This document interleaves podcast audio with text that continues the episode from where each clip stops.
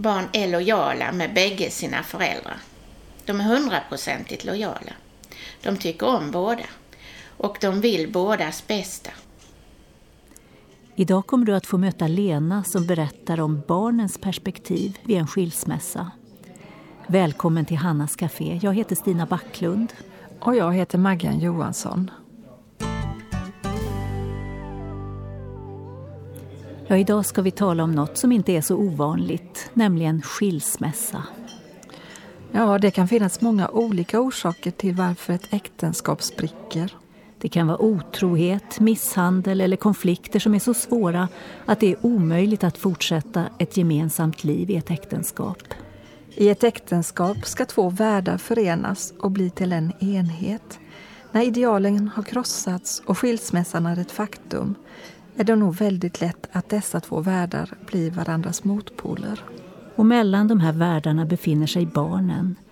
Därför vill vi fokusera på barnets perspektiv i det här programmet. Men vi vill också berätta för dig om en kärleksfull och nådig Gud som finns mitt i det svåra. Nu lyssnar vi till Fragile med Take Six. Och sen ska du få höra Lena berätta om vad som är viktigt att tänka på vid en skilsmässa.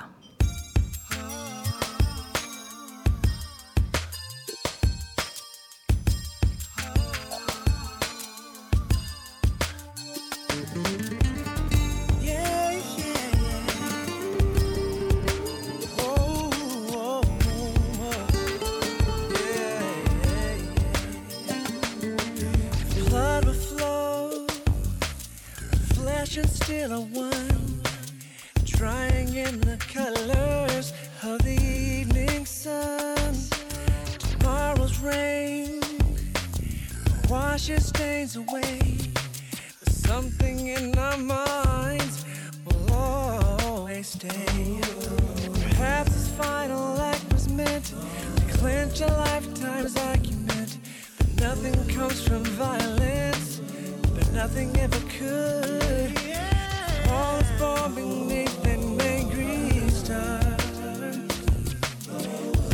We forget.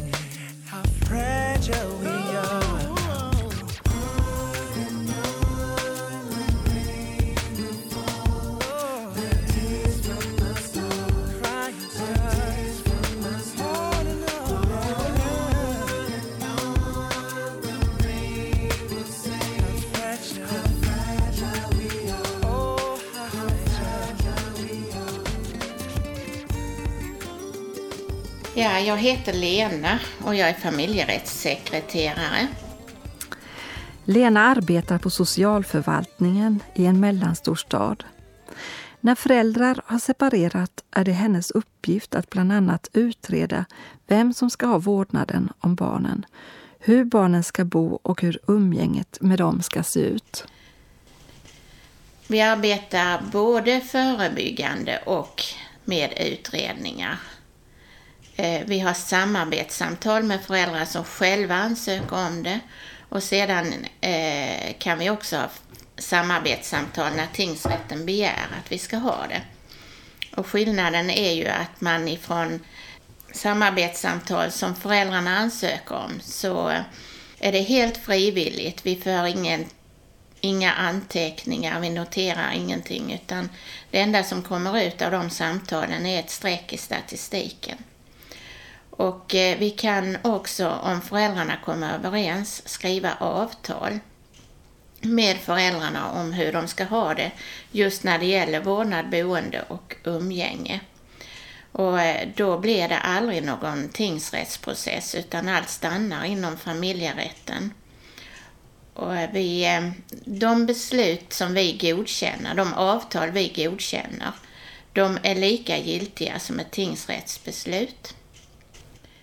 Trots alla besvikelser måste du och barnets pappa komma överens om sådant som rör ert gemensamma barn. När man separerar så är ju alltid konflikten på topp. Och eh, många kan sansa sig och tänka i första hand på barnen. Men de blir så låsta i vad de ska vinna och förlora.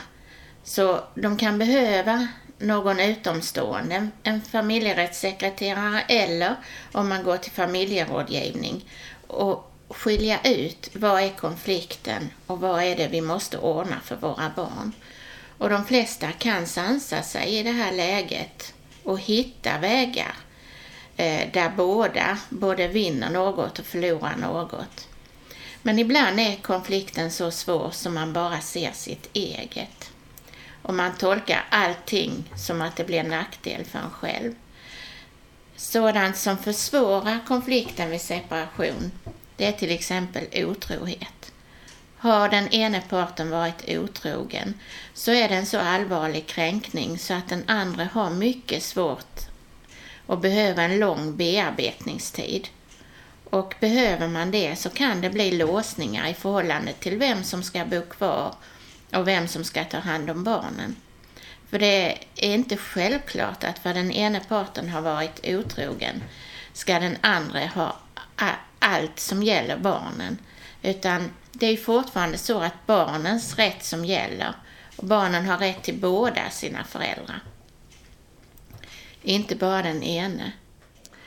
När hela grunden skakas om är det viktigt att ditt barn får behålla sina kompisar och sin vardag.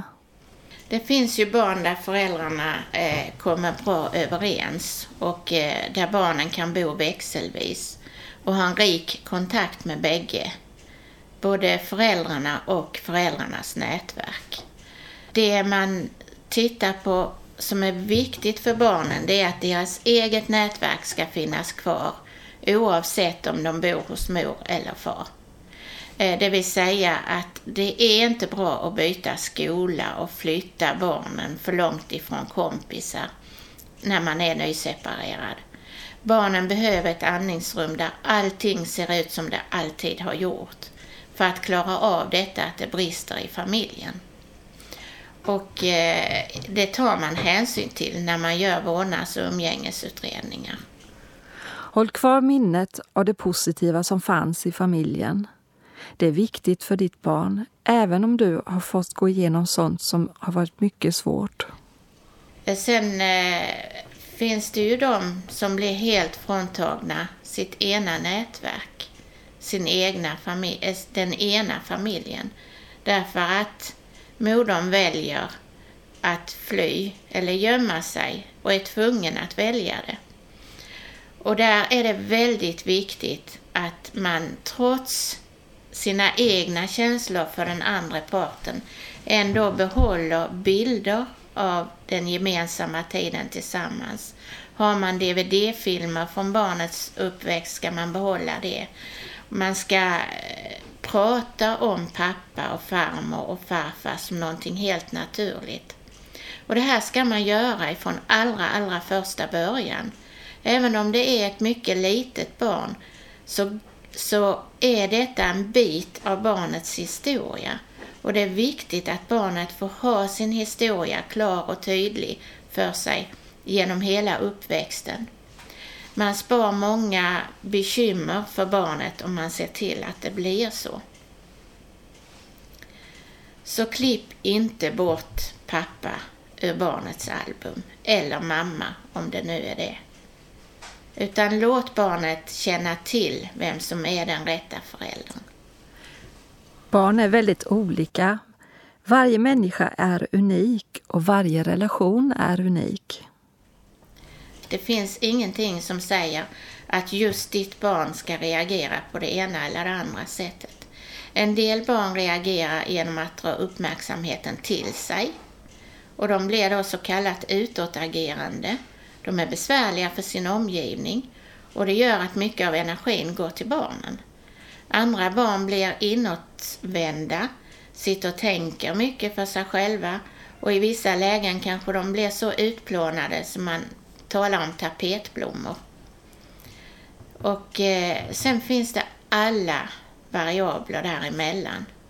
Och i regel är det så att barnen måste ha en punkt där de får vara sitt gamla vanliga jag. Ofta blir det skolan eller dagis. Så man ska inte vara förvånad om lärarna säger att nej men jag har inte märkt någonting på det här barnet. För barnen släpper bekymren när de kommer till en fredad zon. Och alla barn behöver en sådan fredad zon. Så det ska man inte ta ifrån dem. Och det är inte fel att barnen reagerar på det viset. Vi vet ju allihop att vi slappnar av när vi kommer hem. Och för barnen kanske hemmet inte är det ställe man slappnar av på just när det är bråk mellan föräldrarna. Utan då blir det någon annanstans de hittar det här andrummet.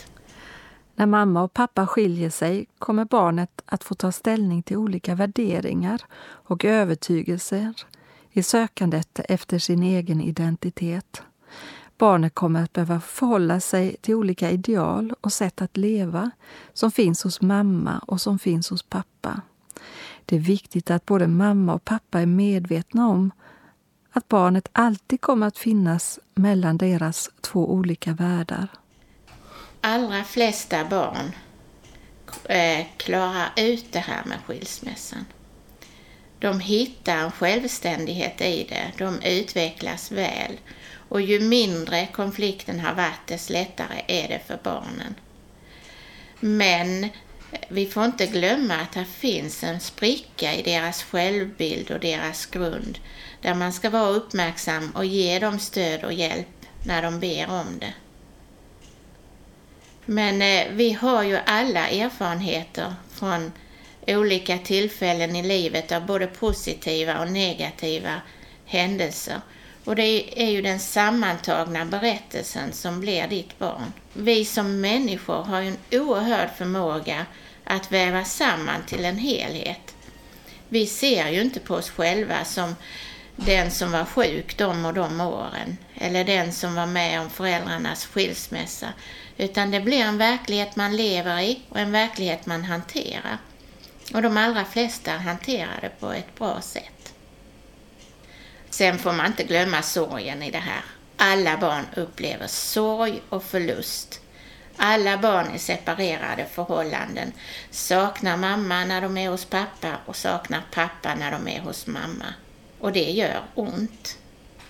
Men får de lov att känna smärtan, då läker såren lättare. Men hur är det med barnens lojalitet?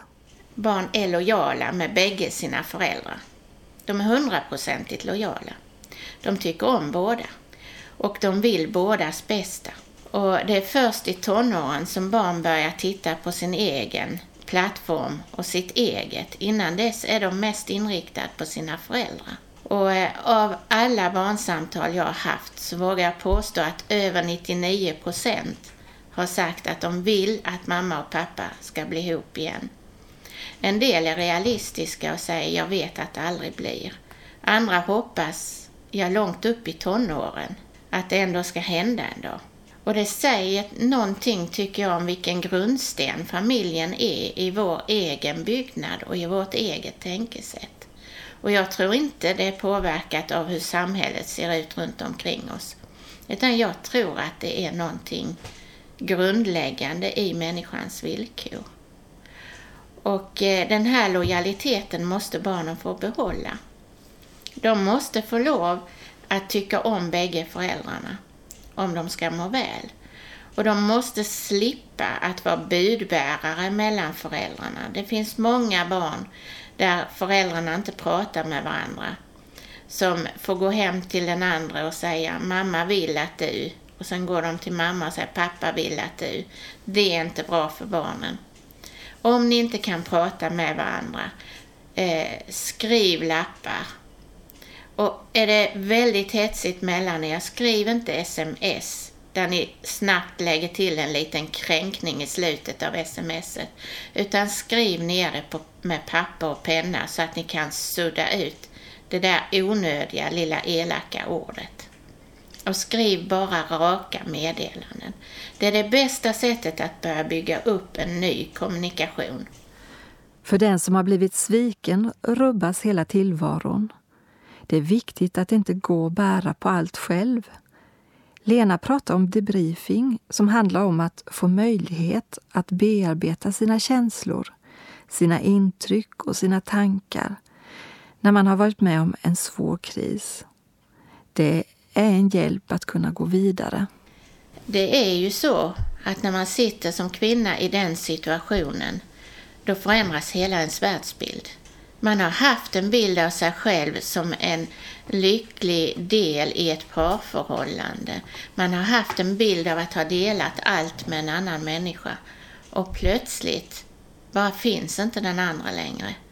Och det värsta är inte, alltså en, om den andra parten dör, då kan man åtminstone sörja den. Men när man blir lämnad, då, då blir det att personen finns och finns kanske inom räckhåll, men finns ändå inte. Och man lägger också väldigt mycket skuld på sig själv. Vad var det jag missade? Vad var det jag såg?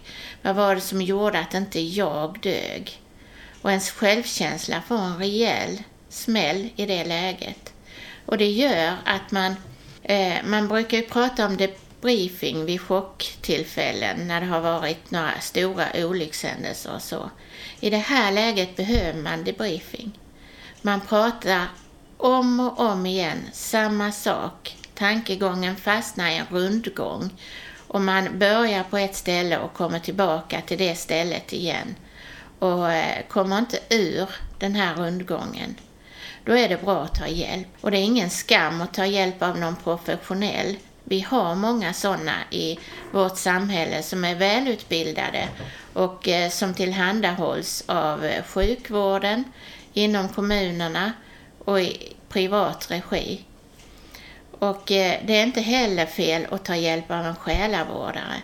Det enda som är man måste tänka på, du måste ha någon som stämmer med din personkemi. Märker du att samtalet inte går så att du känner att eh, du får någonting ut av det, välj en annan terapeut i det läget. Det är inte heller fel. Utan du måste ha någon du har förtroende för.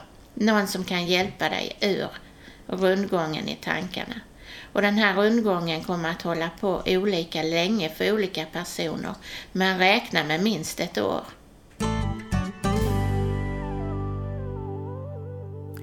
Maggan, du och jag har pratat en hel del om hur viktigt det är att ha vänner när allt tycks gå i kras.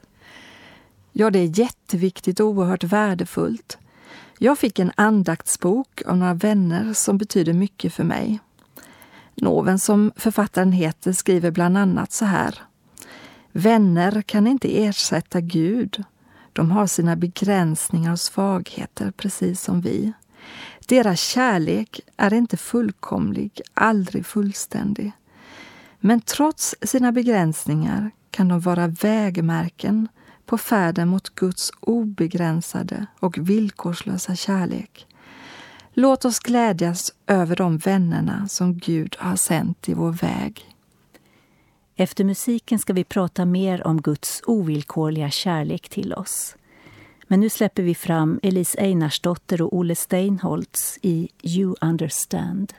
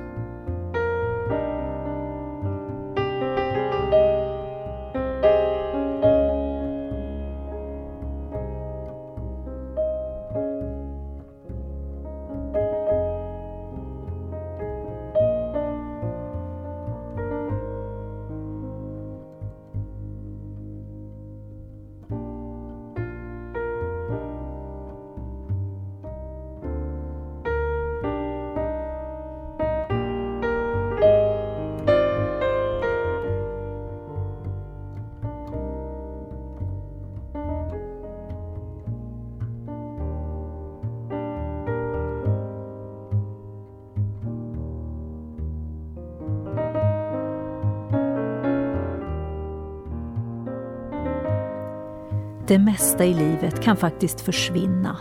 Människor kan ge sig iväg och ägodelar kan gå upp i rök. Du kanske har upplevt att det är så i ditt liv.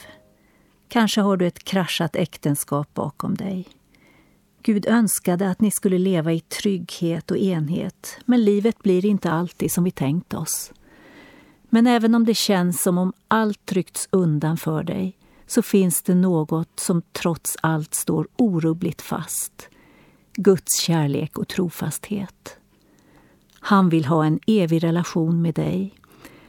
Och det bästa vi människor kan göra är att låta Gud vara vårt centrum.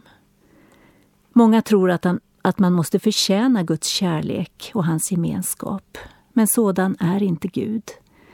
Ett evigt liv i gemenskap med honom är en gåva. Den gåvan heter Jesus och bygger inte på om du har lyckats eller misslyckats i din relation eller vad det kan vara som har brustit i ditt liv. Så här står det i Bibeln.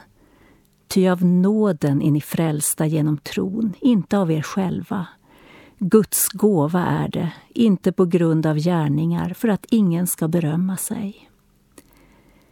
Gud betalade själv priset för alla människors misslyckande och för allt som skiljer oss från honom när Jesus dog på korset. Där finns både nåd och förlåtelse. Så här skriver Noven. Ingen mänsklig kärlek blir den fullkomliga kärleken som våra hjärtan längtar efter. Och ibland är den mänskliga kärleken så bräcklig att vi knappast kan kalla den kärlek. För att inte bli knäckt av det smärtsamma som denna ofullkomliga kärlek orsakar måste man lita på att källan till all kärlek är Guds obegränsade, kravlösa, fullkomliga kärlek och att denna kärlek inte är långt borta från någon av oss. Det är en gåva som vi får av Guds ande som bor i oss. Lena berättar om Gud som vill upprätta och hela dig och som finns närmare dig än vad du själv tror. Tron är en väldig styrka i alla svåra situationer. Vi går aldrig ensamma. Vi får lägga över bekymren på Jesus och på Gud. Vi får be eh, för våra barn och för oss själva och för vår partner. Vi får be att hitta lösningar och det är inte alltid att vi upptäcker svaren när de kommer. De ser kanske helt annorlunda ut än vad vi förväntar oss. För Gud är ingen snabbköpsaffär. Det är inte så att vi säger att nu löser du Gud det här på det här sättet och det är rätt för mig. Utan Gud kanske ger ett helt annat besked till dig. Om du öppnar dina sinnen och i tro och bön ber Gud visa dig vägen och sen finns det ett bibelord som jag inte kommer ihåg nu vad det står. Jag tror det är Josua. Vi ska förhålla oss stilla, Herren ska strida för oss. Det är inte så bara att vi vill gärna kämpa, vi vill göra jobbet själv och vi håller ut i det allra längsta. Vi kommer i sista minuten med vår nöd till Gud. Men vi får komma med den redan ifrån början och då kommer vi att känna en lättnad i bördan. Är du just på steget att du står inför oövervinneliga svårigheter, du har rätt att lämna det till Gud. Har du redan hamnat i väldigt låsta lägen, också då har du rätt att lämna det till Gud och du ska upptäcka det här han säger att förrän de ropar skall jag svara. Du kommer att möta människor som är beredda att hjälpa dig utifrån att de är sända av Gud. Och det är inte säkert att de alltid är så särskilt kristna av sig. Men de finns där som hjälp och stöd för dig och du kommer att hitta dem. För det är så att Gud använder din omgivning, dina vänner, dina nära, dina kära i sitt arbete. För han omsluter oss på alla sidor och håller oss i sin hand. Vi ber tillsammans. Tack gode Gud för din kärlek som du slösar över oss mitt i vår trasighet. Tack för att vi får lämna våra misslyckanden till dig och veta att du kan omforma dem till något fint. Amen.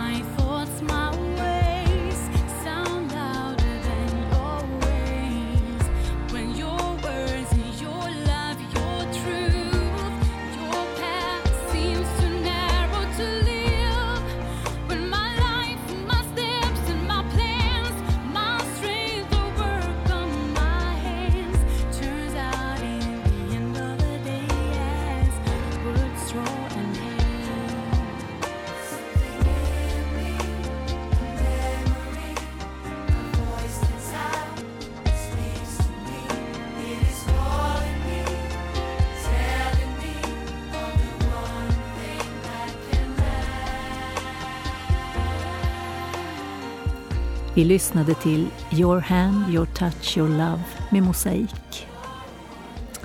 Hannas Café har handlat om barnen vid en skilsmässa. Glöm inte att Gud vill vara centrum i ditt liv för att leda dig genom det som är svårt. Och hör gärna av dig till oss. Adressen kommer här. Vi hörs och var rädd om dig.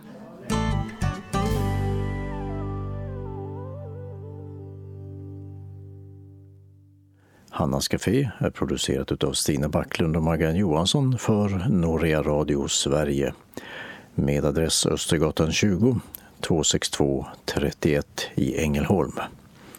Mailadress ph och webbadress www.hannascafé.se